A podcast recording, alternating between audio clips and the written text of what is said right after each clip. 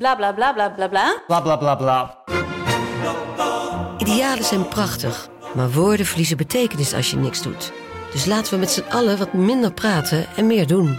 Bij Agmea zijn wij vast begonnen. Zo gaan wij voor minder verkeersslachtoffers, gezonde werknemers en duurzame woningen. Waar ga jij voor? Kijk op www.werkenbijagmea.nl Op een dag ontdekte ik Villa Betty. Het grootste en het duurste huis van Amsterdam. Ik had het jarenlang over het hoofd gezien. Maar mijn buurman Kees niet. Hij ziet hoe zijn buurvrouw Betty op haar honderdste uit de villa wordt gezet. En al haar spullen op een openbare veiling worden verkocht. Wie heeft haar dit aangedaan? Ik ben Floor Doppen en in mijn podcast Villa Betty ga ik op zoek naar Betty's erfenis. Luister nu in je favoriete podcast-app.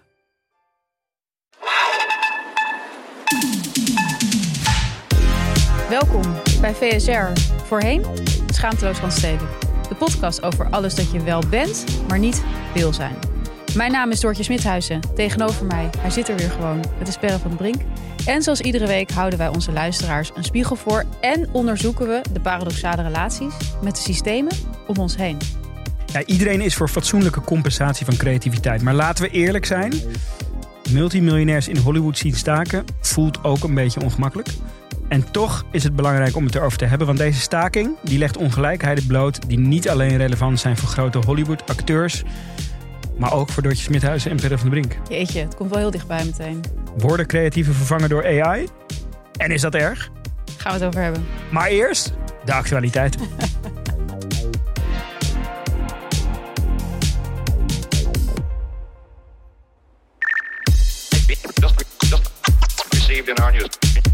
Ja, en er hangt hier, er hangt hier een ontzettend eh, melige, bijna, bijna vakantiesfeer. Jullie zijn allebei gekleed in wat Timo noemt Zelensky-koor. Ja, Het is een eh, soort, ja, soort legeroutfit, maar dan hip. ja. We hebben net bedacht dat jij, als je daadwerkelijk naar het front zou moeten, zou je waarschijnlijk wel je Salomons aandoen. Toch daar De is. dekmantel Salomons. En ik hoop heel erg dat ehm, deze keer. Ik, vind het, ik heb mezelf een beetje in de voet geschoten met onze nieuwe naam. Ik moet zeggen, ik ben heel blij, want eh, elke keer als ik nu iemand tegenkom die iets zegt over de podcast, eh, wat ik altijd heel leuk vind, Mhm. zeggen ze heel braaf VSR. Ze houden Echt zich fan van Ja. VSR en niemand komt meer met eh, die oude naam. Maar ik moet hem wel elke keer meermaals zeggen en ik schaam me heel erg voor mijn R. Dit was ook de feedback in de Ja, vorige Bij aflevering. de vorige aflevering heb ik Timo mijn aankondiging laten vervangen. Of je nog een andere take had. omdat ik hem te kakkerig Ja. Eh, en toen dacht ik daarna, ja, hier kom ik natuurlijk nooit meer vanaf. Eh, dus misschien kunnen we met AI een oplossing verzinnen dat ik een Om soort hele te ver- te neutrale, hele neutrale R eh, ga krijgen. Nou goed, misschien luisteren mensen ook wel voor die R. We hebben het net eigenlijk de laatste aflevering van ons tipformat gehad. Je bedoelt Ehm, alles premium? ja, die, die ehm, serie, die zomerserie is voorbij. Maar mijn tips eigenlijk Die niet. gaan door. Die gaan door. Die zijn voor on- eeuwig. Oneindig. Ooit, toen ik eh, een guppy was, Een oranje guppy. oranje guppy, eh, toen begon ik met het produceren van evenementen in het nachtleven. Dat vond ik echt mega leuk om te doen. Ehm, omdat je dan in, met evenementen produceren, werkt alles eigenlijk toe naar een soort apotheose. Ja. Het is ook gewoon klaar daarna. ja, het is heel duidelijk. Ja, Ja. dat vind ik dus nog steeds echt heerlijk aan een evenement. Ehm, en dat je dan show kunt maken of dat je een soort, soort moment kunt ontwerpen, dat, dat vind ik echt fantastisch. Mhm. Er is iemand die daar echt extreem goed in is. En dat is een vrouw die heet S. Devlin. Zij eh, ontwerpt de eh, ehm, eh, stage designs van Adele, Kanye, Jay-Z, Beyoncé, The Weeknd. Ze doet er nog af en toe een Louis Vuitton showtje bij. of een Super Bowl halftime show. Ehm, en of dan toch weer even tussendoor het, het klimaatconferentie decor van COP26. Mhm. En ik ben al jaren gewoon enorm fan van, van wat zij maakt. Want het is altijd gewoon heel dramatisch en eenvoudig. Het is altijd één heel groot element of zo. eh, wat enorm dramatisch show-effect Ja. heeft. Maar het is ook minimalistisch op een bepaalde manier, maar wel heel groot. Ik zit er naar te kijken. Het is een beetje het is een beetje het gevoel krijg ik wat Oerol zou willen zijn. Je wat ik bedoel? Dus zo'n het wel echt Oerol on acid noemen. zo'n brandende vuurring Ja. of zo. Of zo'n hele grote kubus in de natuur. Ja, ja, nee, die brandende vuurring, die is inderdaad, dat zou, dat zou is is, echt is een beetje Oerol, ja. Maar dit was ja. Yves Saint Laurent in de, in de, in de, volgens mij in de Marokkaanse woestijn. altijd de vraag, is het Oerol of, Of is het Yves Saint Laurent in de. Marokkaanse woestijn? ja. Eh, er is één filmpje wat ik erg kan aanraden trouwens. Eh, zij heeft dus een Super Bowl halftime show gedaan. Dat, dat, dat, dan heb, heeft ze een timelapse filmpje eh, van de productie van dat evenement. Dat betekent namelijk dat je in, in de rust, die duurt een kwartier, ja. die hele show moet opbouwen. Want het is natuurlijk En daarvoor gewoon een voetbalveld. Eh, de show moet doen en afbouwen. En eh, daar is dan een ehm, timelapse filmpje van. Dat, dat is op zichzelf een, een enorm mooie choreografie. Dus je ziet gewoon een productiecrew van denk wel 500 mensen. Dat opbouwen in een paar minuten. Dan Snoop Dogg en Eminem en nog wat rappers een showtje doen. Ja. En dan gaat het er weer allemaal af. Kan ik erg aanraden, dat filmpje. Maar, lang verhaal kort. S. Devlin heeft een boek uit. Mhm. Dat is een hele kleine oplage. eh, wordt dat, of tenminste een relatief kleine oplage, wordt dat eh, uitgebracht. Je, ik geloof een paar duizend wereldwijd of zo. Oh ja. Dat is voor mijn komende boek ook. Ik doe ook hele kleine Ja. opdrachten. Een paar duizend wereldwijd. Je kunt je er nu op intekenen. Misschien ook een tip voor jouw Moet ik boek. ook mee beginnen. Ja? Ja. Eh, maar als je, als je houdt van. Heb Prachtig, jij ingetekend? Ja. Oh, leuk. uiteraard. Ga je het ook in, ga je het een keer tippen? Nou, ik, ik neem het wel een keer mee. Als, Ja, ik het, leuk. als ik het, in november wordt het geloof ik uitgeleverd. Eh, maar het is een. Ja, ik zou het echt als een ongelofelijke tip eh, willen. En vind je dan dat die mensen die die decors bouwen, dat die evenveel betaald moeten worden als En zelf. Snoop Dogg? Dat vind ik niet. Daar gaan we het zo nog over Ja. hebben. ik las vanochtend in de New York Times een heel goed, maar ook wel dystopisch onderzoek. Eh, uitgevoerd door eh, Harvard. En eigenlijk wat er werd onderzocht was heel simpel, namelijk de invloed van rijkdom van je ouders Mhm. op de kans dat je wordt toegelaten tot een Ivy League universiteit. En nou, laat me raden. 0%. Ja, ja. Nou ja, het is natuurlijk altijd het idee dat rijke kinderen gewoon meer kans hebben in het leven. Mhm. Zeg maar, dus even los van. Maar dat het gewoon, als je uit een rijk gezin komt, het leven gewoon makkelijker voor Ja. je is. En dat hebben ze nu dus in, op een hele basale manier onderzocht. En het was eigenlijk de eerste keer dat het zo duidelijk, dat er zo'n duidelijke Correlatie. schets werd gemaakt van die correlatie inderdaad. Wat ze deden was, ze, ze namen dus kids met dezelfde SAT-score, dus dezelfde ja, CITO-achtig. Mhm. En ze keken dus hoe groot is de kans dat je wordt toegelaten op de top 12 Ivy League. Dus eh, ja, Yale, eh, Mhm. Harvard, nou wat heb je. Wat blijkt? Kinderen uit de 1% rijkste gezinnen hadden 34% kans meer, eh, meer kans om toegelaten te worden. Kinderen uit de 0,1% rijkste gezinnen meer dan 50%. Ja. En zo'n onderzoek is enerzijds denk je, ja, ergens wisten we dit toch al. Mhm. Maar anderzijds vind ik daarom zo'n onderzoek juist zo goed. Omdat het iedereen die zegt, nou, maar dat valt wel mee. Kan je dit gewoon onder de neus duwen? Kan je zeggen, zo zit het gewoon. Ja. En ook eh, die onderzoeker eh, zei zelf erover, wat dit laat zien, is gewoon dat universiteiten hebben geen arme ehm, studenten, omdat ze die niet willen. Ja. Het is namelijk een keus Ja. om iemand wel of niet toe te laten. Nee, het is, het is, eh, ik, luister, ik luister een podcast eh, van een marketingprofessor die, die zelf doseert op eh, Mhm. NYU. Maar hij zegt altijd over dit onderwerp dat, ze, dat het eigenlijk een soort van Hermes-achtige strategie is die die Ivy League scholen Mhm. hanteren. Namelijk gewoon te weinig Birking bags maken. Ja. Bewust.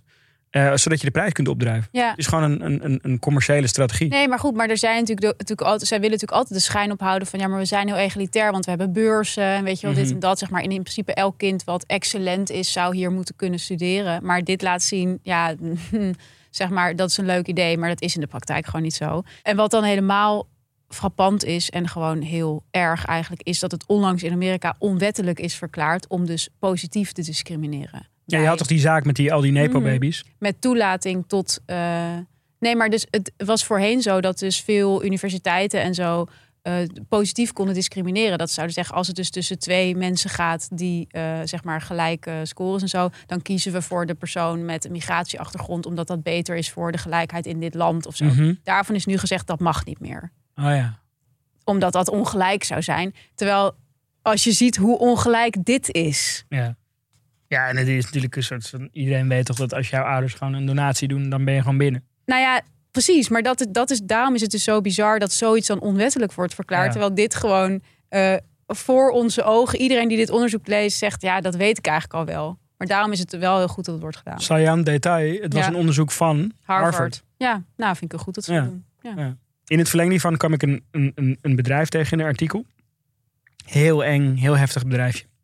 Het heet It's All Greek to Me. Ja. En het is een, ze noemen zichzelf een consultancy. Oké. Eh, en waar ze je eh, mee, he- eh, mee helpen is ehm, eigenlijk gewoon binnenkomen bij, bij een sorority. Dus het is eigenlijk een soort wannabe Amerikaanse koormeisjes. Ja. Die kunnen nou een cursus van 3500 dollar kopen. En die helpen je met je, met je applicatie om bij een eh, sorority binnen Dus te wat komen. ik, mijn ongemak met die eh R, die leren ze je daar aan eigenlijk. Eigenlijk wel, ja. Misschien moet ik dit ook echt gaan aanbieden. Dit Stapbudgetje, Als eh, 3500 999 ja, euro jongens. in dit geval. Get your stapbudget out. Ja. maar ik vond het weer zoiets fascinerends. Dat dit gewoon... Maar wat, want, want dan leer je een soort van je een beetje kakkerig te gedragen. En dan kan je dus eerder bij het koor, het Amerikaanse koor. Ja, zij, zij, zij helpt je gewoon met de slagingskans van de toelating tot jouw sorority naar keuze eh, vergroten.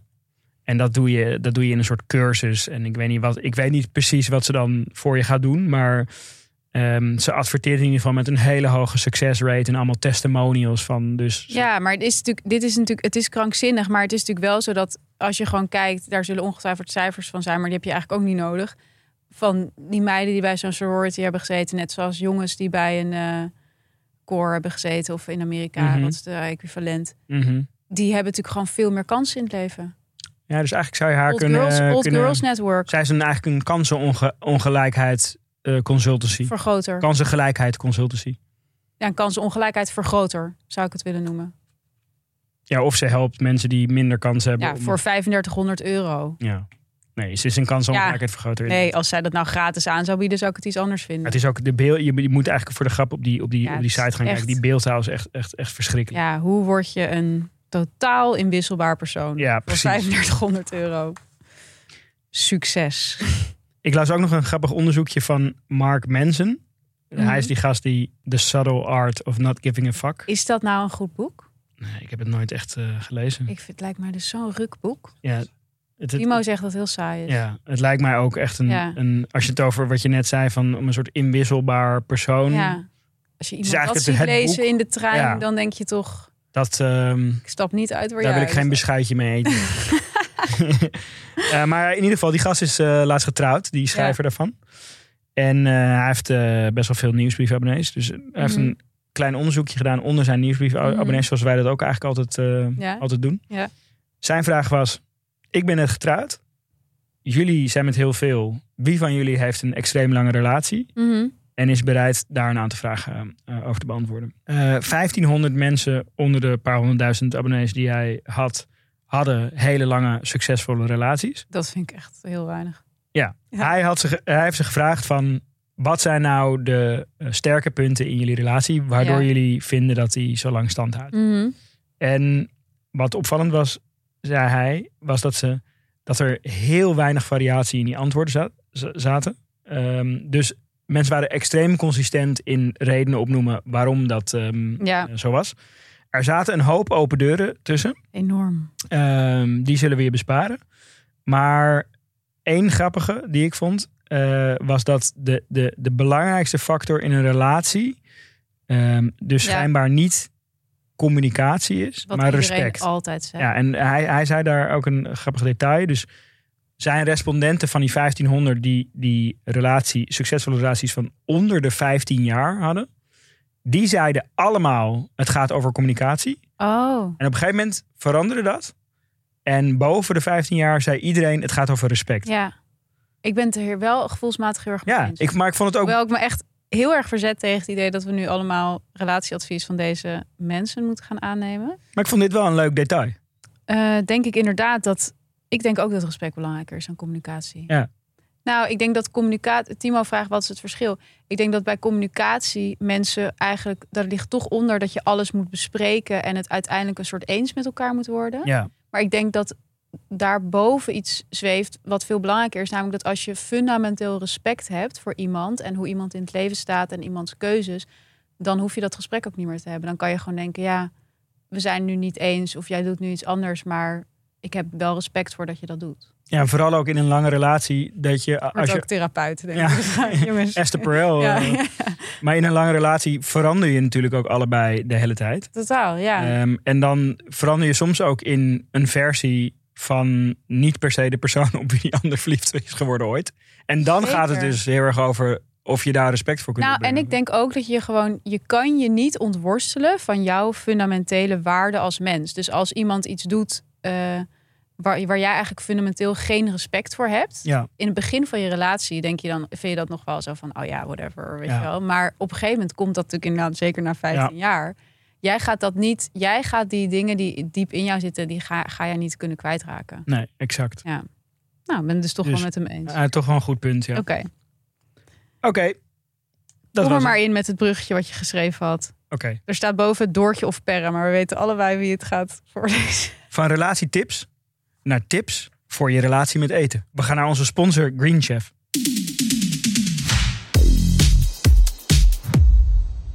Ja, want we hebben natuurlijk nog steeds onze geweldige sponsor, namelijk de maaltijdboxen van Green Chef. Green Chef helpt jou gezond eten op jouw manier. Het is een gezonde maaltijdbox die perfect past bij jouw levensstijl. Want met Green Chef kies je elke keer uit een selectie van 22 recepten. Best wel veel, 22, best wel Mhm. veel keus. Voor iedere gezonde levensstijl is er wat wils. Er is vegan, er is vegetarisch, er is keto, er is ook pescatarisch. Er zijn ook eh, volgens mij maaltijden die dan minder dan zoveel calorieën zijn. Mocht je daarin geïnteresseerd zijn, kan allemaal. Jij bepaalt hoeveel maaltijden je krijgt. Kan er drie, kan er vier, kan er vijf zijn. En welke gezondere gerechten er eh, bij jou op tafel staan. Weet jij Nou, hoeveel mensen in Nederland te weinig groente eten? vast heel veel. 70 procent.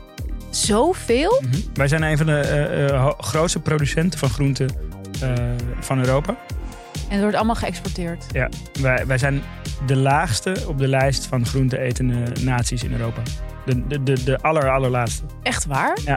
Ja, dus daarom is die overheid al zo lang bezig met die 200 gram eh, groente per dag. Bij Green Chef krijg je minimaal 250 gram groente per dag. Dus je krijgt er nog een schepje letterlijk en figuurlijk bovenop. Ehm, want dat is heel belangrijk. Ja, niet alleen voor jou, maar ook voor het milieu. Zo is het. planeet.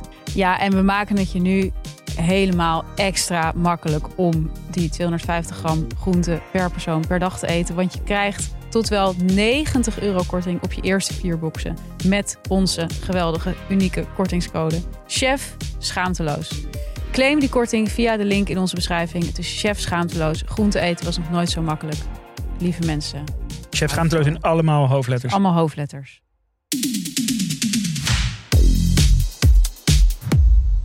Oké, we gaan het over geld en we gaan het over creativiteit hebben. Heel leuk. Want daar is Twee eh, daar, favoriete, twee favoriete onderwerpen. twee absoluut favoriete onderwerpen. In Hollywood zijn het ook twee favoriete onderwerpen. Ja. Eh, maar er zijn ook een paar probleempjes her en der daarmee. We dachten, laten we eens even beginnen met... eh, want er wordt veel gezegd in de media over dit issue. Het issue being de staking. Dus ja, sorry. Eh, laten we het beest bij de naam noemen. Ehm, de staking in Hollywood van schrijvers en acteurs. Ja. Daar gaat het over. Mhm. Ehm, maar wat is daar nou eigenlijk aan de hand? Ja. Hè? Dus eh, laten we even beginnen met op een rijtje zetten wat er, wat er aan de hand is. Mhm. Er wordt voor het eerst in 60 jaar door zowel de acteurs ehm, als de schrijvers gestaakt. Eh, dat is in mei begonnen. Eerst begonnen de schrijvers, de acteurs sloot zich daarna aan. Ehm, en dat gebeurt onder aanvoering van vakbonden. Ja. In Amerika is de creatieve industrie veel georganiseerder dan in Nederland. Bijna iedereen is, is bij een union. Mhm. Ehm, en die ehm, unions hebben dus ook veel, veel invloed. Ik geloof dat 97% van de acteurs of zo die zijn aangesloten ook staken. Ja, Eh, dus dat, ik vind dat dus alleen al zo lachen. Dat dat is- bijna iedereen ja, meedoet. dat die acteurs ook allemaal bij een union zitten. Ja. Dus dat Jessica Chastain gewoon bij een Ja. union zit. Ja, ja, precies. Van, gaat zij dan ook naar een ledenvergadering? Ja, I guess. Of via Zoom? Het is, even ja, het is, het is heel, maar het is ook als je een productie in Amerika eh, doet, dan is het ook, dan, je hebt ook allemaal standaard tarieven en zo. Dat is allemaal heel netjes gewoon geregeld. Wat allemaal hier in Nederland kan het alleen maar niet toejuichen. echt het geval is. waar gaat die staking over? Die, die, Ja. die staking, eigenlijk het, het fundament van die staking gaat over de veranderende eh, marktdynamiek in de Mhm. filmwereld, Mhm. kun je wel stellen. Eh, er is natuurlijk een grote opkomst geweest van streamingplatformen. Voorheen werd er veel gemaakt door studio's, als je het over films hebt. Eh, en dan voor televisie, eh, ehm, als het over series gaat. Mhm. En die series bijvoorbeeld, die werden eindeloos herhaald. Ja, En daar zit eigenlijk residues op, soort royalties. En iedere keer dat die serie opnieuw herhaald wordt, krijg je weer geld. als zijnde acteur, regisseur. Ja. Ja, dat is in Nederland ook zo. Ehm, de streamingplatformen hebben dat model natuurlijk een beetje op zijn kop Mhm. gezet. Door alles gewoon in één keer live te zetten. En je kunt het bingen wanneer je wil. Dus er, zijn, er is niet meer sprake van herhalingen. Dus die deal opzet wordt heel anders. Dus ehm, eigenlijk, ja, je krijgt gewoon alleen je fee, zeg maar. Ja, Ehm, en volgens mij zit er bij sommigen nog wel zo'n zo'n soort van deal in. Maar die, die eh, cijfers zijn ook niet transparant. Bijvoorbeeld Netflix Nee. deelt niet hoeveel mensen naar die content Mhm. kijken. Met series was de looptijd ook nog veel langer dan dat ze nu zijn. Dus televisieseries liepen bijvoorbeeld iets als Friends of zo, of Seinfeld. ja. Die liep natuurlijk gewoon, weet ik veel, 20 jaar of zo. Nou, niet zo lang. Seinfeld zeker wel. Seinfeld weet ik niet. Maar Friends denk ik zes, zeven jaar of zo? Tien Ja. jaar? Maar voor mijn gevoel, Het loopt al 60 jaar. die mensen zijn al Die- dood. die- die- Weet je, Jessica, hoe heet ze? Die actrice? Jennifer Aniston. Jennifer Aniston, die is ja. gewoon 120. Ja, maar die, die blijft er wel altijd hetzelfde heeft er uitzien. altijd goed uitzien. Ja. Seinfeld Kijk, negen jaar, zegt Timo. Ja, oké. Tien jaar eh, duurde het. Voelt als lang. Nou, hij wordt in ieder geval uitgezonden al meer Ja. dan 20 jaar. Ja, Ehm, maar die in ieder geval voor een acteur was een, die, een, een, een, een, een rol spelen in iets wat in potentie Ja. dus 10 jaar kan aanhouden. je weet dat Jennifer Aniston op een gegeven moment in de piek van Friends kreeg zij een miljoen per aflevering. Ja, een heerlijke fee. En terecht, vind ik. Ja. ja, ze droeg ook Iedereen wel- keek voor haar. Ja. Nee, dat was gewoon de flat fee. Die, die miljoen was de fee. En ja, dan en heb je die kreeg ze nog die herhalings. Ja. Ja, dus dat was, eh, dat was een, eh, een heel gedaan. fijn model. Ja.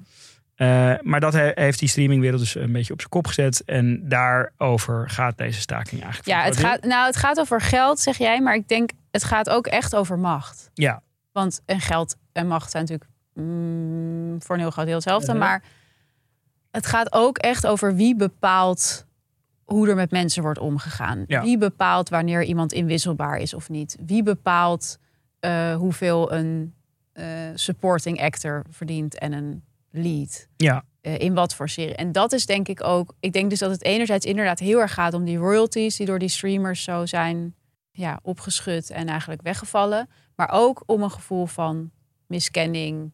En ook een, een gevoel van we krijgen gewoon te weinig betaald. ja, het is Daar ook, ook- eh, over proportionaliteit gaat het ook heel ja, erg, toch? Hè? enorm. Ja. Want je ziet ook dat, dat die, dat die ehm, salarissen van die studiobazen en, en, en de, de executives van Netflix en zo, die worden ook de hele tijd bijgehaald. ja, Eh, en die mensen ook. verdienen, want dat is het ding. Van dan staat dus zo'n Jessica Chastain, ja, ik noem haar nu de hele tijd, maar Mhm. er staan natuurlijk veel meer mensen. Maar dan zeggen mensen, ja, wat staat zij te staken? Eh, zij verdient miljoenen per jaar. Maar ja, zo'n Netflix-baas verdient dus gewoon 350 miljoen Ja, per jaar. ja. En zeg maar even los van, ik vind meerdere miljoenen per jaar ook veel. Misschien ook te veel. Maar het gaat helemaal niet meer daarom, weet je wel. Het gaat, die, die, die verschillen zijn zo ongelooflijk groot Mhm. dat ik vind dat argument dus van ja, wat doen zij? Zij zijn toch rijk. Vind ik sowieso een bullshit argument. Daar komen later nog op. Maar als je het vergelijkt met wat die studiobaas of die Netflix-bazen verdienen, Ja. ja. waar hebben we het dan nog over? Ja, en het, ik denk ook dat, dat, het, dat het, even los van of die mensen genoeg geld verdienen, het gaat ook om de loyaliteit die ze uitspreken Mm. naar, die, naar hun collega's. Naar de eigenlijk. collega's, ja. ja. Eh, dus dat, en, en, en zij vragen natuurlijk ook in die zin veel meer aandacht voor die zaak. Want Ja. het is veel opvallender als zij gaan demonstreren dan de setdresser eh, op, op- van die Nou, en ik vind het dus juist, wat ik gewoon heel vet vind, is dat, kijk, als je kijkt waar het nu heen gaat, en dat, daar gaan we het straks ook nog over hebben. Kijk, echt bekende acteurs zullen altijd wel oké zijn. Zeg maar John Stewart of zo, die zich nu inzet voor deze zaak. Mhm, He will be fine. mhm. Zeg maar, hij, hij zal nooit, eh, hij hoeft niet weer eh, ober te worden als dit echt misgaat. Maar ik vind het juist heel goed dat die mensen zich daar nu voor inzetten.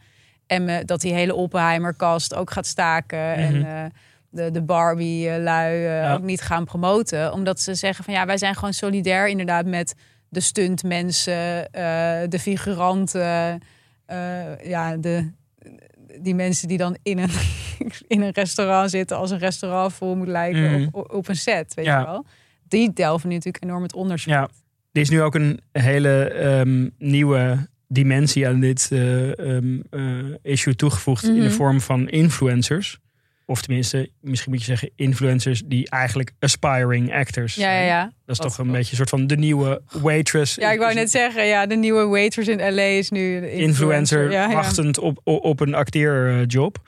En die zijn nu bang om stakingbreker te zijn als zij, of eh, als, als stakingbreker gepercipieerd te worden, Mhm. Als zij dus commerciële klussen aannemen. Maar door de union, toch? Zeg maar, Ja. zij willen zich identificeren met acteurs. zij willen ooit acteur zijn Ja. en, en willen niet, niet nu de parasiet van de acteurs worden voordat ze überhaupt acteur zijn. Ik vind dit echt, dit is hoe een influencer denkt. Die denkt dat zeg maar die mensen die aan het staken zijn, dat die op diegene zijn Instagram en zeggen: Wow, Root, hij heeft gewoon, nou, hij wordt nooit acteur. Nou, maar dat, dat is ook weer niet helemaal onwaar. Want eh, er, er wordt enorm gelet op als je een stakingbreker bent. Dat, dat, dan word je echt verguisd. Ja, maar zij zijn geen zijn nog acteur. geen acteur, Ja, nee, dus klopt. dus Maar- je kan niet een stakingbreker zijn als je geen onderdeel bent van een groep die staat. Nee, maar het zou misschien wel kunnen dat ze al ingeschreven zijn bij die, ra- bij die eh, guild. Ah, ja, zeg maar. ja. Ja, Dat ja, ze, ja. Dat, dat ze ze wel al slapend lid zijn. Ja, precies. Dat ze zich een soort van eh, aspirational Ja, ze zijn gewoon ingeschreven. bang om in retrospect gecanceld te worden. Ja, Na de staking. ik heb me ook een keer aspirational ingeschreven bij Kemna. Ja. Ik wacht ook nog steeds.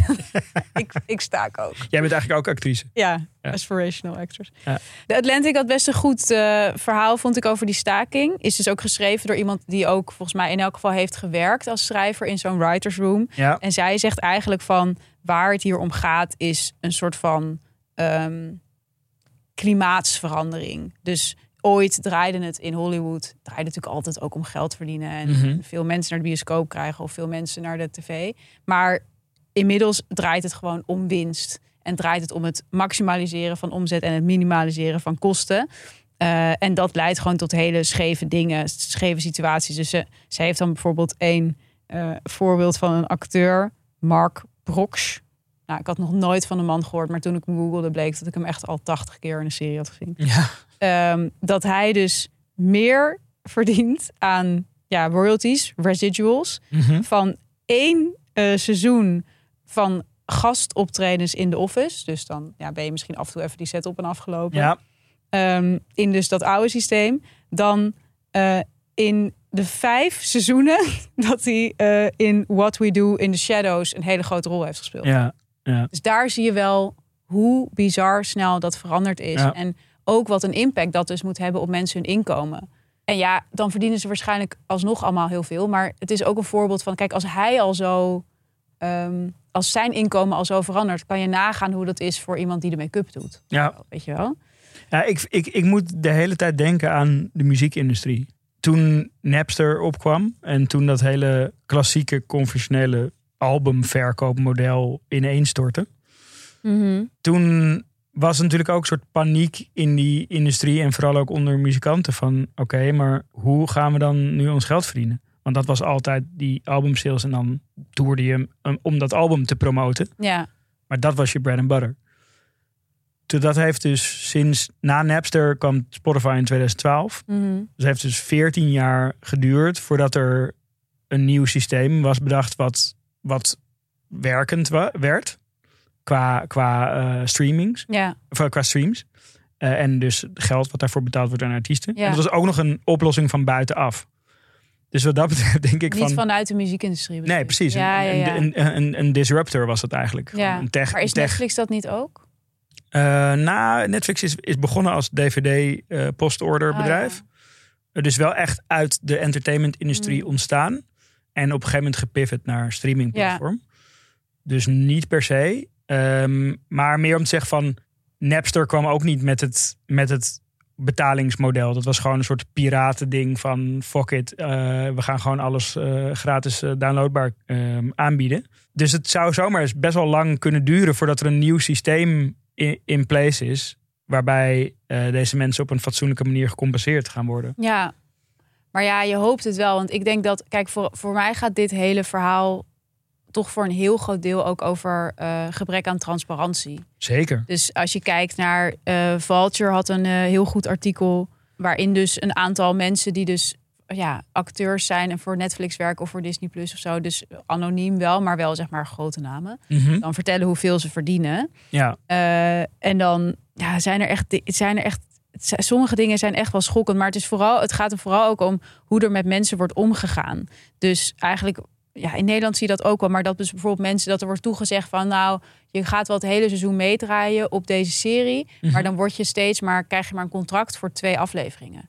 Dus je moet je hele schema moet je zeg maar open houden en dan word je dan ook niet voor gecompenseerd. En dan uiteindelijk krijgen ze wel redelijk prima betaald, maar wel echt veel minder dan dus, je, dus je, je moet, ze, ze zegt van tevoren, je moet twintig afleveringen doen, maar we betalen, we geven je per twee afleveringen contract. contract. Beetje zoals de NPO eigenlijk ja, met mensen zodat. En, maar, ja, nou precies. Ik moest meteen aan de NPO Ja. denken, waar volgens mij Teun van de Keuken of zo, die heeft ook Ja. eerst tien jaar een jaar Ja. contract gehad. Ja, Nou ja, en, en als je een vast contract moet krijgen, dan word je gewoon ja dan word je, ja, nou ja, dat hoor je wel vaak. En dat, dat, dat zat hier dus ook heel erg in. En dus ook omdat ze een soort machtspositie creëren. Dus dat op het moment dat jij dan dus, ja, je hebt dat, dat hele half jaar of whatever al vrijgehouden, heb je een contract voor eh, twee afleveringen. En dan zeggen ze ja, maar je rol wordt wat kleiner. We gaan je toch wat minder betalen, weet je wel. Maar dan kan je ook er niet meer echt onderuit, want je hebt toch alles al afgehouden voor, dat, voor die show, weet je wel. Dus Ja. het is een heel soort van toxic onderhandelingspositie.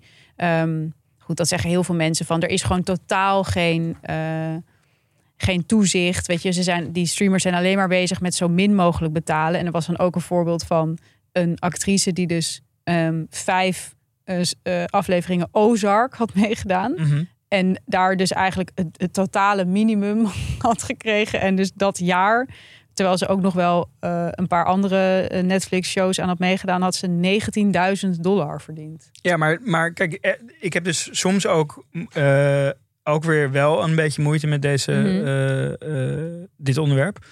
Want wat je nu eigenlijk als voorbeeld geeft, is iemand die vijf afleveringen Ozark heeft gedaan. Waarschijnlijk niet in een lead character rol. Ehm, dus laten we zeggen, stel dat, die, dat het, hoeveel draaidagen zijn dat, weet je?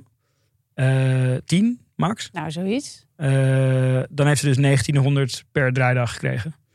Nou, nee, dat hele jaar had ze dat gedaan. Dus ze heeft wel minder gekregen. Ze heeft toch 19.000 verdiend? Voor het hele jaar. Maar ze had ook aan andere Netflix-producties mee. Oh, oké, oké, oké. Nee, dan is het een ander verhaal. Nee. Nee, ik dacht, ja, kijk, eh, het is ook van, het, het, het gaat ook over proportionaliteit. Dus ja, ik vind wel ook van, als je, als je één seconde in beeld bent geweest, eh, ja, eh, heb je dan recht op fucking endless royalties? Of, of, Nou ja, of loop je dus gewoon door het beeld heen? Nou, dat vind ik dus de vraag van waarom. eh, dat, en dat is die hele vraag nu toch ook daar. Van waarom, waarom heeft zij dan geen recht op, op nog royalties? Kijk, want dat is natuurlijk, je kan natuurlijk zeggen van oké, je bent niet een super grote actrice. Ozark, we weten nog niet of het een hit wordt. Maar je doet nu mee en dan, dan krijg je misschien weinig betaald. Maar ergens als het een hit wordt, bedoel, tuurlijk, het is het, de, de hoofdrolspelers zijn de hoofdrolspelers. En die zijn de hoofdrolspelers met een reden, zeg maar. Mhm. Maar zij doet wel ook mee aan die productie. Ik vind als je ergens vijf afleveringen in zit, ben je niet een nobody.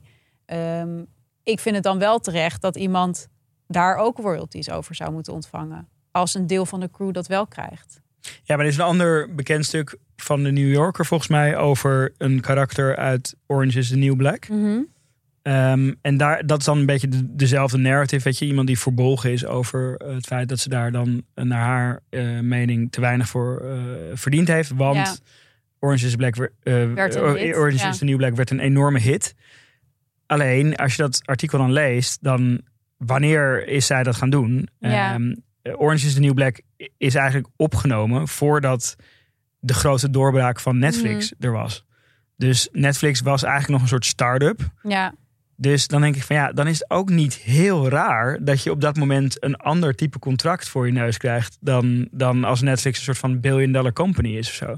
En dan kan je zeggen van ja, maar het werd wel een enorme hit. Maar ja, kijk, weet je, als je bij een start-up werkt eh, eh, en misschien voor een start-up salaris eh, gewoon nu werk verricht. ja. En die start-up die tien jaar later gaat die naar de beurs. En dan ben ga, je, ga je dan ook je salaris Ja, ja, ja. ophalen of zo? Nou ja, dan kan je natuurlijk zeggen, ja, ik heb daar ook aan meegewerkt. Ja, ik wil, Ja. nu, ik wil, ik wil meer salaris uit ne- 2011. Eh, Ja. Want jullie zijn nu heel groot geworden. Nee, ja. Ik denk van ja, dat is ook een beetje het risico van het vak. Ja, maar dat vind ik wel, Vind je dat niet wel iets anders? Want Ozark was natuurlijk wel meteen een hit en Netflix was al heel Ozark, groot. Ozark is, een, is een ander voorbeeld. Want, want daarvan denk ik, ja, het was al een supergrote streamingsplatform. Ze wisten al dat ze deze scope hadden. Ja. Dan vind ik toch ergens dat daar een soort van transparant en egalitair model in moet zijn. Dat- waarin dus niet eh, gewoon de ene... Kijk, wat, wat er gebeurt is dat de ene persoon wordt gewoon verneukt... zodat de ander enorm veel betaald kan krijgen. En weet je wat volgens mij ook het, het, het, het eigenlijk echt het onderliggende probleem hier is? Dat, kijk, Netflix is natuurlijk ook eh, eh, eigenlijk dat, het feit dat Netflix zo'n mega hit werd. Eh, en dat was eigenlijk het begin van dat tijdperk dat er eindeloos kapitaal werd geïnvesteerd Mhm. in alles. Gewoon omdat geld gewoon eh, eh, praktisch gratis Mhm. was. Ehm, dus er ontstond die soort winner takes all markt. Ja, dus en Netflix en Disney, iedereen ging het, ging het proberen. ja, En nu is dat investeerdersklimaat Klimaat. is gewoon helemaal eh 180 graden omgedraaid. ja. Ehm, dus de broekriem wordt gewoon bij al die dingen aange- aangetrokken. En ze hebben vooralsnog geen van allen een echt werkend model kunnen introduceren. Eh, een beetje met zo'n soort van Van Moof-achtige eh, mentaliteit van ja, dat, Dat, winst, komt later Ja. wel. Maar de- later is nu. Nou, dat, ik, was, ik las dus in de Atlantic, maar ik ben benieuwd wat jij daarvan vindt. Dat, die, dat eigenlijk ook een beetje een claim wordt gemaakt van dit is eigenlijk een probleem wat in de pandemie is ontstaan. Dus dat was de tijd dat die streamers, daarvoor wa- was het natuurlijk al best wel populair. Maar toen werden die streamers natuurlijk mega populair. Iedereen had geld over en tijd over. Dus iedereen ging, ja, wat we toen allemaal keken, weet je wel. Mm. Emily in Paris, eh, wat is het, die hele domme show met die tijger mensen, die mannen met die tijgers, weet je wel. Was dat ook weer? Ja, Tiger, Tiger- King of zo. Ja, Tiger King, Ja, ja, ja. nou, dat soort dingen. Daar hadden we toen ineens tijd voor. En toen zijn dus al die producenten en zo... zijn enorm veel geld gaan pompen in die streamers. Omdat ze dachten van dit is de toekomst. En nu komen we eigenlijk weer in een tijd waarin mensen... ik bedoel, dat hoor je toch iedereen zeggen van... nou, ik wil echt niet nog een streamer of...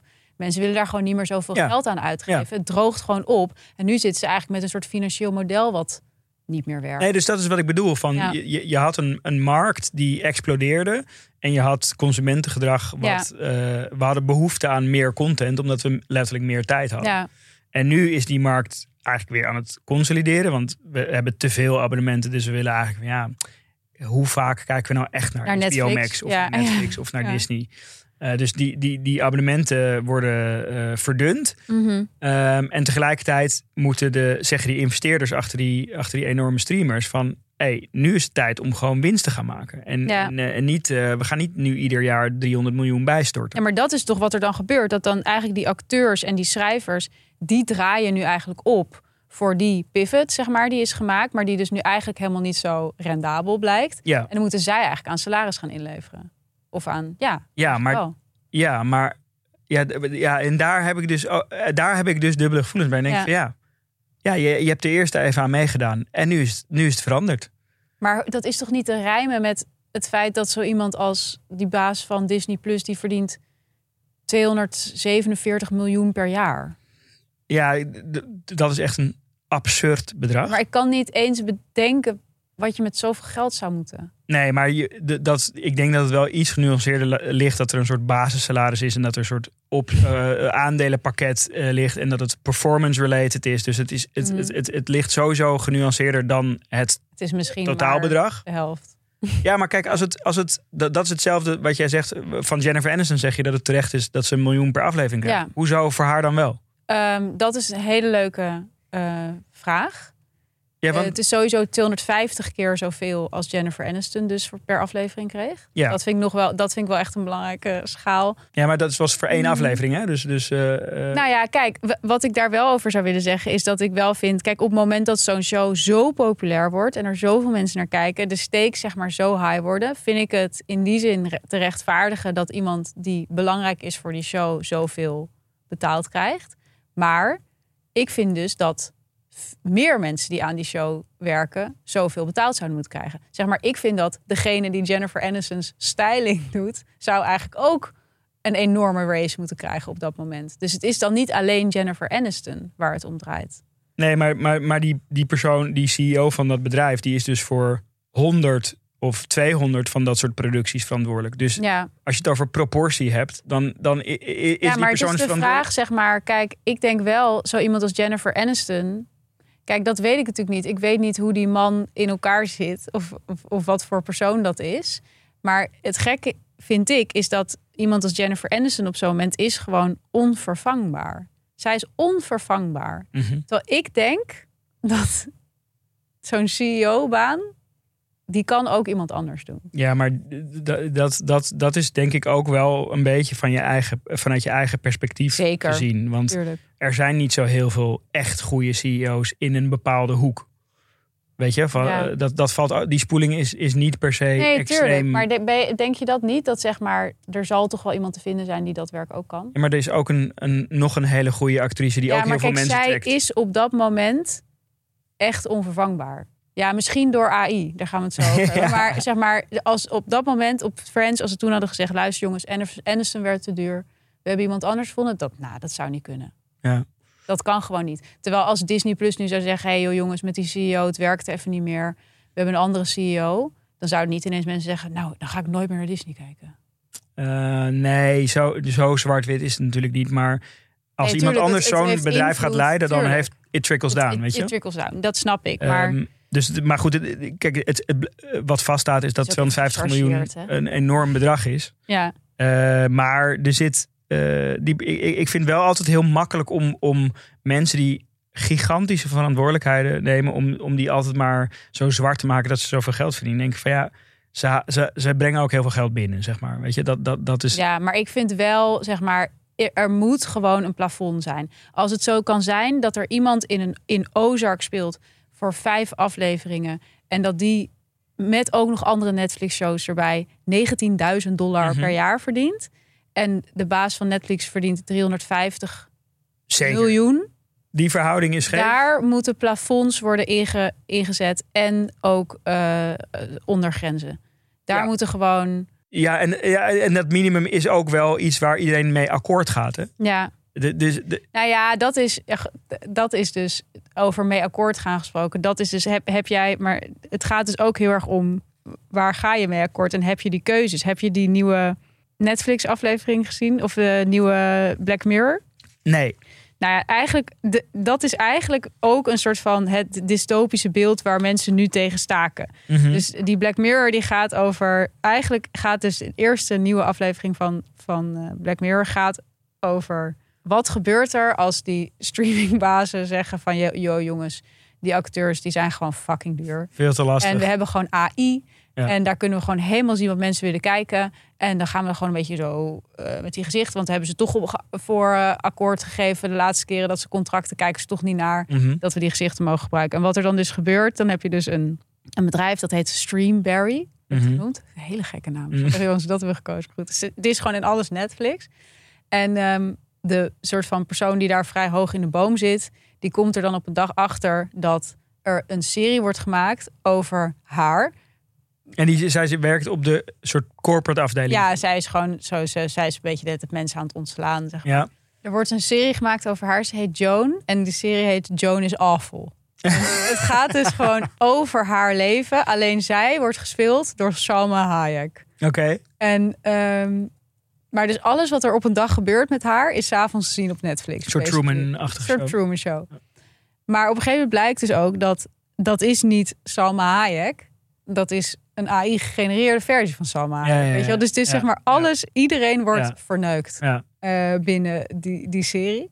En eigenlijk is dat dus waar het, als je het heel ver allemaal doorvoert, waar dus ook die writers, want dat is natuurlijk waar die staking voor het heel groot deel ook over gaat, dat die eh, streamers zeggen van, nou ja, dat AI dat wordt zo slim eh, en zo makkelijk. Wij kunnen over een tijdje kunnen we gewoon heel veel series, kunnen we gewoon de scripts en de scenario's kunnen we gewoon door AI laten schrijven. Ja. Kunnen acteurs gewoon ja, dan laten we gewoon een figurant eh, wat rondlopen en daar plakken we dan het hoofd van Tom Hanks op en dan hebben we weer een serie. Ja. En dat is natuurlijk Dit is een van de onderhandelpunten ook. Hè? Ja. Dus, dus dat de, de, de, schrijvers eh, en de acteurs die willen eigenlijk een, ehm, een clausule dat hun input niet mag gebruikt worden door Ja. eh, machine learning. Eh, want die, die AI-systemen hebben natuurlijk input nodig om van te leren. Mhm.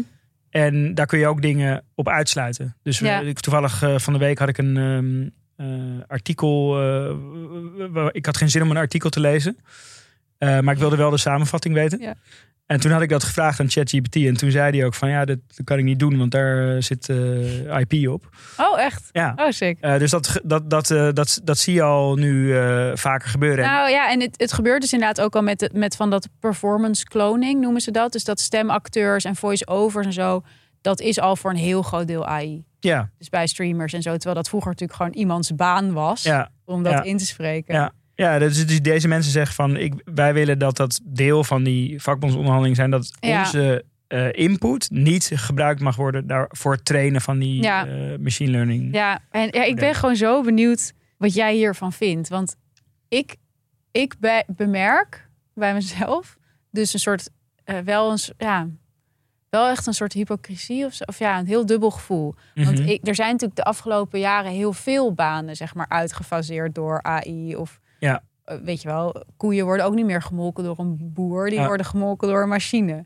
Of eh lopende bandwerk wordt ook niet meer door mensen gedaan, maar door robots. Weet je wel? Dus er is natuurlijk heel veel. En we hebben het in die AI-aflevering hebben we het ook over gehad. Dat ik ook wel dacht van ja, bijvoorbeeld zo'n redactie van de ANP, waar gewoon nieuwsberichten online Mhm. worden gezet. Nou, ik zie helemaal voor me dat dat AI wordt. Ja. Of eh, op een Zuidas waar mensen, weet ik veel, contracten moeten nagaan. Ja, ik kan me voorstellen dat het allemaal AI wordt.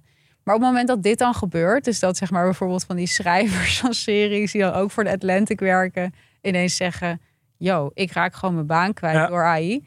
Dan vind ik dat ineens best wel erg. ja, maar daar komt hij te ik, dichtbij bij nou ja, en dan denk ik ook, ehm, ga ik dan straks naar. Het is tweeledig. Want enerzijds denk ik, nou, die, dat werk is heel waardevol. Ik wil dat dat blijft bestaan. En anderzijds denk ik ook, ga ik dan straks naar dingen kijken die door AI zijn gemaakt? Ik denk dat je ook kijkt naar dingen die deels door AI zijn gemaakt. Ja, tuurlijk, maar niet door gewoon hele. naar gewoon een hele AI-productie. Ja, oké, dus dat er gewoon echt geen, Geen mensen, aan te pas is gekomen. Ja, ja, ik denk dus dat dat wel mee gaat vallen.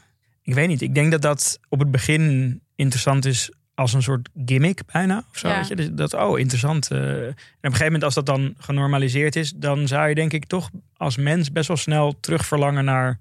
dat het wel door echte mensen... Ja, dat vraag ik me dus af. Ja, ik denk, ik denk van wel. Ik, ik denk het ook. De, het, het onderhandelpunt is dus van... kunnen wij uitgesloten worden in, in, als input in die... ehm, eh, Mhm. ehm, bij die AI-modellen. daarvan, daarvan zegt, eh, zeggen de, de studio's en dergelijke. Eh, dat ze daar, eh, die, die zeggen dat zij een, een goed voorstel hebben gedaan naar de, naar de vakbond. Ja, Om, om dat zoveel mogelijk uit te sluiten. maar de vakbond zegt van niet. Nee, maar dat is altijd het spel ja, tussen ja, een, een, weet je wel, van het nee, is, waar het voorstel was, vol- volgens mij wa- waarom de vakbond er niet mee akkoord is gegaan, is dat ze hebben gezegd, eigenlijk voor grote acteurs gaan we dat niet meer doen. Maar zeg maar dat- kleinere acteurs, die kunnen dat niet ontwijken. En daarvan hebben, to- hebben ze toen dus collectief gezegd van voor, voor de sake of gelijkheid binnen onze beroepsgroep gaan wij hier niet mee akkoord. Ja, en dat is dus waar we het ook in de AI-aflevering al Mhm. over hadden. Wat ik wel dus wel soort semi-dystopisch vind, is dat ik denk dat de middenklasse Ja, echt het slachtoffer gaat Ja, zijn van deze. Van deze Ja. ehm, dus de, de, de, ja, gewoon alles wat niet exceptionele creativiteit is, ja, dat ja staat echt op het spel. straks gewoon straks staan gewoon nog alleen eh, George Clooney en Jessica Chastain op een set. En de Ja, rest is gewoon, dat wordt gewoon met AI gedaan. ja, ja, en dus dan, dan, dan valt er eigenlijk een hele eh, beroepsgroep Ja. weg.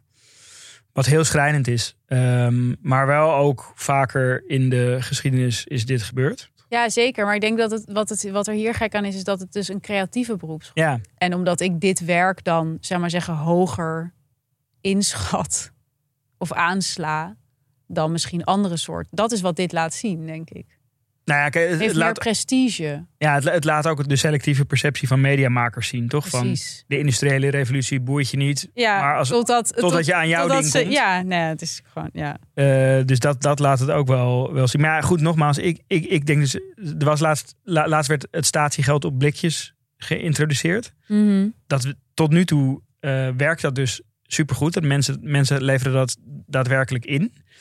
Maar er ontstond een ander probleem. En dat was dat mensen, eh, daklozen, die gingen op straat allemaal vuilnis openmaken op Om zoek naar die blikjes. Oh ja, ja. Eh, dus het, het, het statiegeld-idee Was werkt, goed. Ja. maar het leverde een zwerfafvalprobleem op. Ja, ja, ja. Wat, ze, ehm, wat niemand van tevoren had eh, voorspeld. Grappig. Terwijl het zo voor de hand Het ligt. zit, ligt zo voor de hand, maar dat, maar dat is dus ook wat ik een beetje met die AI heb. Van, Mhm. Het zou kunnen dat er ook zoiets gaat gebeuren met dat AI. Dus dat er een dan wel positief, dan wel negatief bijeffect gaat komen.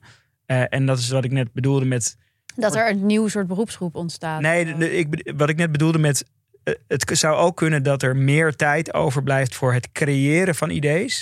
En minder, omdat er minder tijd hoeft gestoken te worden in het uitwerken van ideeën. Ja, Ehm, maar dan denk ik dat jij heel optimistisch kijkt naar die streamers en zo en hoe zij hun geld gaan verdelen.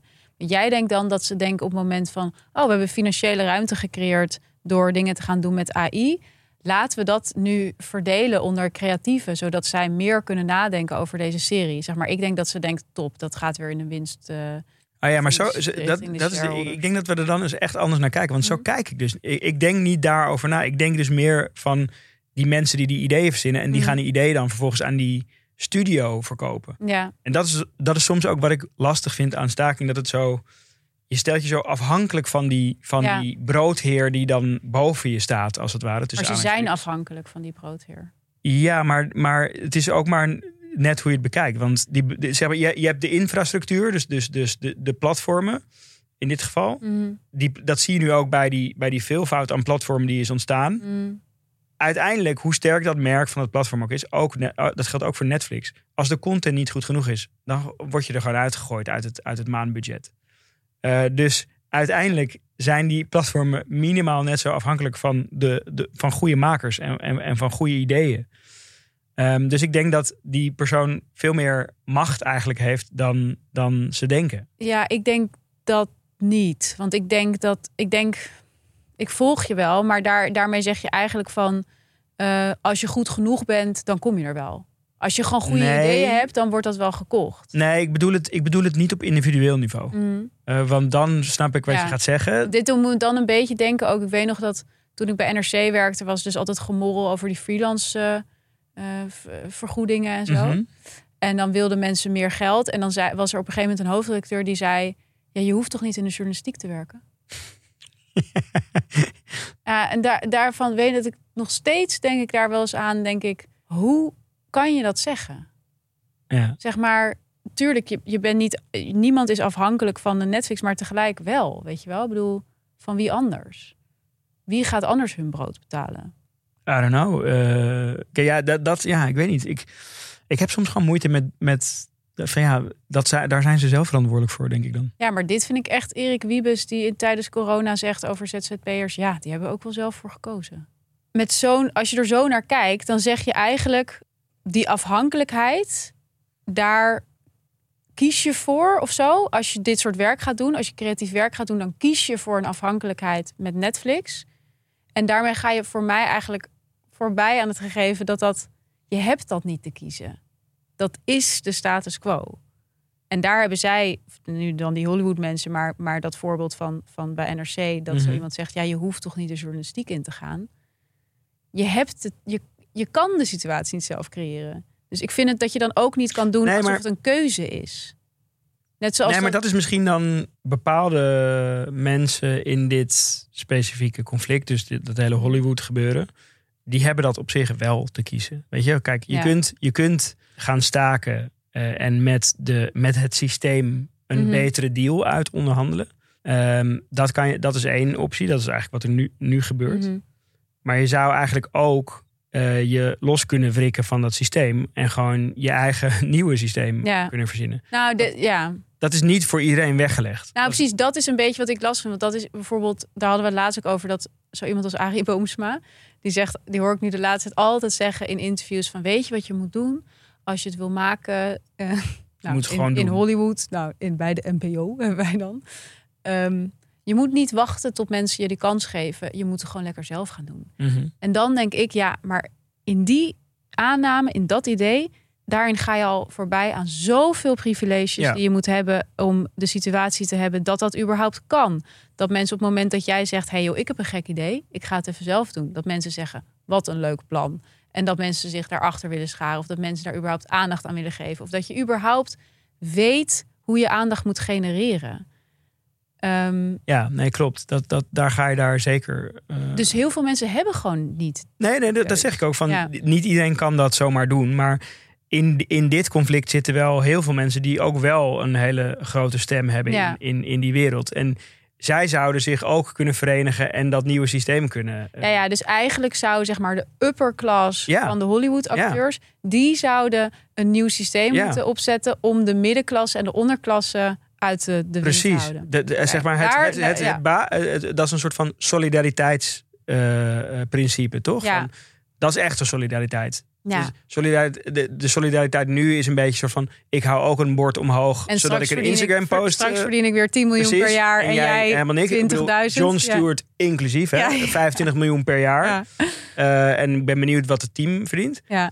Ehm, maar de echte solidariteit zou zijn... ga met die mensen dan dat nieuwe systeem. Eigenlijk... eh, eh, het basisprincipe van Tidal was ook dat, toch? Was ook gewoon fok, fok. Van eh, Tidal. Ja, van- eh, was het, ik weet niet, ja, ik noem het in ieder zo in mijn geval- grote artiesten verenigen, Van, eh, verenigen zich en gaan eigenlijk vanuit het artiestenperspectief zo'n platform Ja. oprichten. Dat zou eigenlijk hier dus, dus ook moeten gebeuren. Want ik, ik wil even weg van. Ik, ik, ik, ik zit de hele tijd terug te denken aan wat ik allemaal zei. En ik wil ook niet als een soort van mega gore kapitalist overkomen. Want ik ben werkgever. aan de ene kant ben ik echt heel erg voor de vrije markt. Ja. En ik hou ook van heel erg van zelfredzaamheid. En Ja. niet van autonomie en van je niet te afhankelijk van Mm. derden opstellen. Maar aan de andere kant ben ik ook een, ja. een socialist. Maar daar zit het ding. Zo van je niet afhankelijk kunnen opstellen is al een enorm privilege. Ja, dus ja, dan heb je... Opgegroeid zijn met het idee dat je niet afhankelijk bent, is een enorm privilege. Wat gewoon niet veel mensen hebben. Zeker, zeker. Dus, dus, dus dan kom je eigenlijk terug Ja. bij dat onderzoek wat je in de actualiteiten Eigenlijk aanhaalde. wel. Ja, eh, wow, is die mooi rond. Ja. Eh, dus wat daar dan dus voor nodig is, is dus de, de huidige Mhm. machthebbenden, die moeten meedoen. Nou ja, dus zeg maar, eigenlijk moet je inderdaad kijken naar die lagen. Dus je hebt zeg maar echt dat, het groot kapitaal. Dan heb je het kapitaal. En dan heb je mensen zonder kapitaal. Ja, ja, het grote kapitaal, daar heb je dus soort de, de puppets die Ja. denken dat ze de sterren zijn. Ja, die, ja. Die moeten ja, nee, zich- precies. Ja, dat bedoel ik dus met kapitaal. Die Ja. moeten nu. Leonardo DiCaprio. ja, Die moet meedoen. Dat is echt solidariteit. ja, precies. Die moet nu zeg maar een productiehuis op gaan zetten. met een, met een een, streamingplatform. ja, een streamingplatform waar een eerlijke verdeelsleutel is. Waar, waar, waar transparante metrics gelden. Dus Ik niet zoals het- Netflix. Ik heb het idee dat zeg maar iedereen die nu die van de filmacademie afkomt, denkt dat ze zoiets gaan doen. Ja. Ik heb al zo vaak iemand gesproken die zegt: Ja, weet je wat, ik, ik wil gewoon een nieuwe NPO. Ik wil gewoon een nieuw platform. En dan uiteindelijk is het, gaat het toch weer. Ja. Maar daar, daarvan zeg ik ook van: ga dat nou eens doen. Ga daar nou eens voor. Ja. Ja, dus dit dit zijn En dat natuurlijk- is het lastige, want de mensen, kijk, kijk, de mensen met dat soort ideeën zijn vaak de mensen die eh, onderaan de ladder staan. Ik was freelancer bij NRC en ik dacht: dit is gekke bullshit Mm. wat we hier allemaal Mm. accepteren, weet je wel. Maar op dat moment heb je gewoon niet genoeg stem binnen zo'n bedrijf om er iets van te zeggen. En dan krijg je dus zoiets terug van: ja, je hoeft toch geen journalist te zijn? Ga je toch lekker wat anders Ja. doen? Hey, Ja, ja, maar zoveel werk. Maar dat, zoveel dat soort ideeën moeten dus ook niet gedaan worden Dus door een paar individuen. Nee, het moet dus. Het, en, maar het punt is dus, het wringt voor de mensen van die onder zitten. Maar de mensen die boven zitten, die moeten het eigenlijk echt gaan veranderen. Dus ik, ik, ik eh, Het is een, en laten wij dat even gaan opperen. ja, we gaan. Leonardo bellen en kijken hoe die hier ik vind het eh, wel zoiets hierin wat jou dan wel weer lukt. Nou, Jij zegt volgende aflevering. Nou, we hebben echt een leuk iemand die inbelt. Ja. oh, wel echt speciaal. Eh, en kijk, wa- waar wij het sowieso vaak over hebben met z'n tweeën, is dat wij gewoon ons heel erg eh, ja, het, het, het heel gek eigenlijk vinden. En daar raakt dit ook wel aan dat als je kijkt naar de creatieve industrie, dat er gewoon zo weinig aandacht is eigenlijk voor de geldstromen Mhm. en voor de manier waarop mensen hun eigen levensonderhoud moeten financieren en ongelijkheid daarin. Ja. Ehm, dus wij dachten, daar gaan we ook een keer een aflevering over maken. ja, eigenlijk, eigenlijk eh, wat hier inderdaad dus onder ligt, dat er dus een, allemaal creatieve een industrie betreden met eigenlijk Geen nul kennis. financieel bewustzijn. Nee. En heel veel creatieve opleidingen lijken daar vanaf Mhm. deze buitenkant, eh, die wij nog, waar wij nog aan staan, Ja, ja. vrij weinig aan te doen. ja, Dus dat leek ons inderdaad dat gaan wij. vervolg, eh, eh, onderwerp. jij gaat Leonardo bellen. wij gaan die aflevering ehm, voorbereiden. Ja, misschien kan Leonardo ook nog even die, die, die relatielessen van de actualiteit. Dan kunnen we die ook nog bij hem in de Nee, hij heeft een hele, hele korte les. Ja, Altijd onder de 25 blijven. ja. Dan heb je geen gezeik. Het gaat niet om respect. Het gaat om leeftijd. Ja. Ja, wij gaan even weg. We gaan even op vakantie. 24 augustus is de dag dat wij weer terug zijn. weer terug zullen zijn. Zet het in je agenda. Zet het in je Google Calendar. Ehm, wees erbij. Tot die tijd, vergroot je financiële bewustzijn. Wees solidair. Of ga gewoon lekker vakantie vieren. Kijk Netflix. Doe wat je wil. Doe wat Nee, je doe, wil. kijk geen Netflix. Kijk geen. Netflix. Ofwel, laat het even allemaal los. En eh, wij zien die 24 augustus weer. Tot dan.